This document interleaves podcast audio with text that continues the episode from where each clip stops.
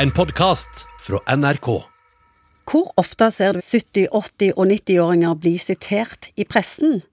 Eller tatt inn som ekspert eller kommentator i et studio?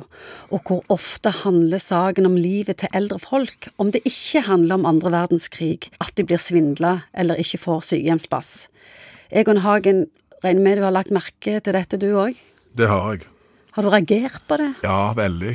Altså, det, Vi kom til en sånn situasjon at alle driver og setter ut melk til de eldre. Det er liksom De stakkars, liksom. De, de er hjelpeløse og finner kanskje ikke fram. Og, og litt sånn som du sier, og la oss snakke om krigen eller eh, et eller annet stakkars slikt. Og det, jeg synes det, jeg liker det ikke.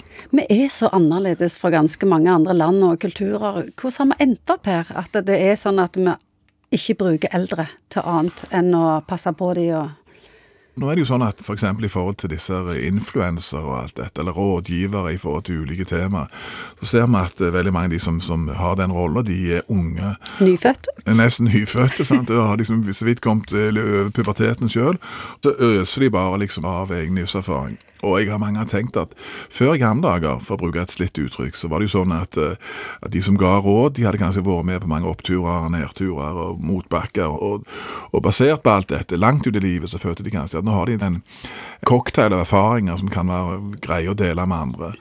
Og alder ble assosiert med klokskap og levd liv. Og Enorme kunnskapskapital. kunnskap, og hvor i all verden har vi rota vekk alt dette i alle disse silikonpuppene og leppene og alt det tullballet som svever rundt der. Enda mer paradoksalt, nå blir jo bare flere og flere av oss over 50 og 60 år.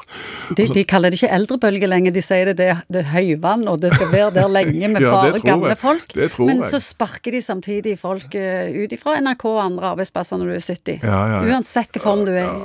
Så det er, det er et ganske stort paradoks, og det er sikkert utrolig sammensatt hvorfor det er blitt sånn som det er blitt.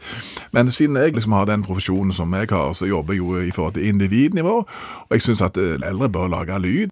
Er du en pensjonert lærer som gikk av som 62-åring og proppfull egentlig av, av kunnskap, så syns du du skal bruke den kunnskapen kanskje etter du har gått av, òg hvis du har lyst til det. Ta plass. Ta plass, være med og prege samfunnet etterpå. For vi, vi trenger virkelig den der sammensatte eventyrblandinga og, og kunnskapen som mange eldre sitter med. Vi har jo endt opp et sted der det virker som om det er gjengs og greit å aldersdiskriminere. Ja, vi syns ikke det er greit i det hele tatt. Men istedenfor å klage og sutre, det har vi ikke noe spesielt tro på, så tror vi på det der. altså Bare ta mer plass, se, rense stemmen og si at hallo, vi har faktisk ting vi mener om dette, og vi har lyst til å si det. Og spesielt når vi blir så grælig mange etter hvert. Det er jo helt tullete, egentlig, disse de, Ressurssterke, sunne folk skal slutte å mene noe, og Ja. at vi skal bare sitte og høre på disse der eh, influenserne. Det ordet er jo nok det. Så det jeg bare fyrer kjenner- deg opp. Jeg kjenner bare nakkehåret bare reiser seg bak her. altså. For det handler jo om kompetanse. Jesus. Det, ingen snakker kompetanse lenger. Altså, Man har gjort liksom det subjektive til enerådene, og hvis folk bare har en subjektiv erfaring, så kan denne umiddelbart deles med resten av verden. Hva kompetanse har du til å gi råd til folk? Sånne ting som det der. Jeg, nå er jeg gammel og sur, men det får du bare bære med. Du har hørt en podkast fra NRK. Hør flere podkaster og din NRK-kanal i appen NRK Radio.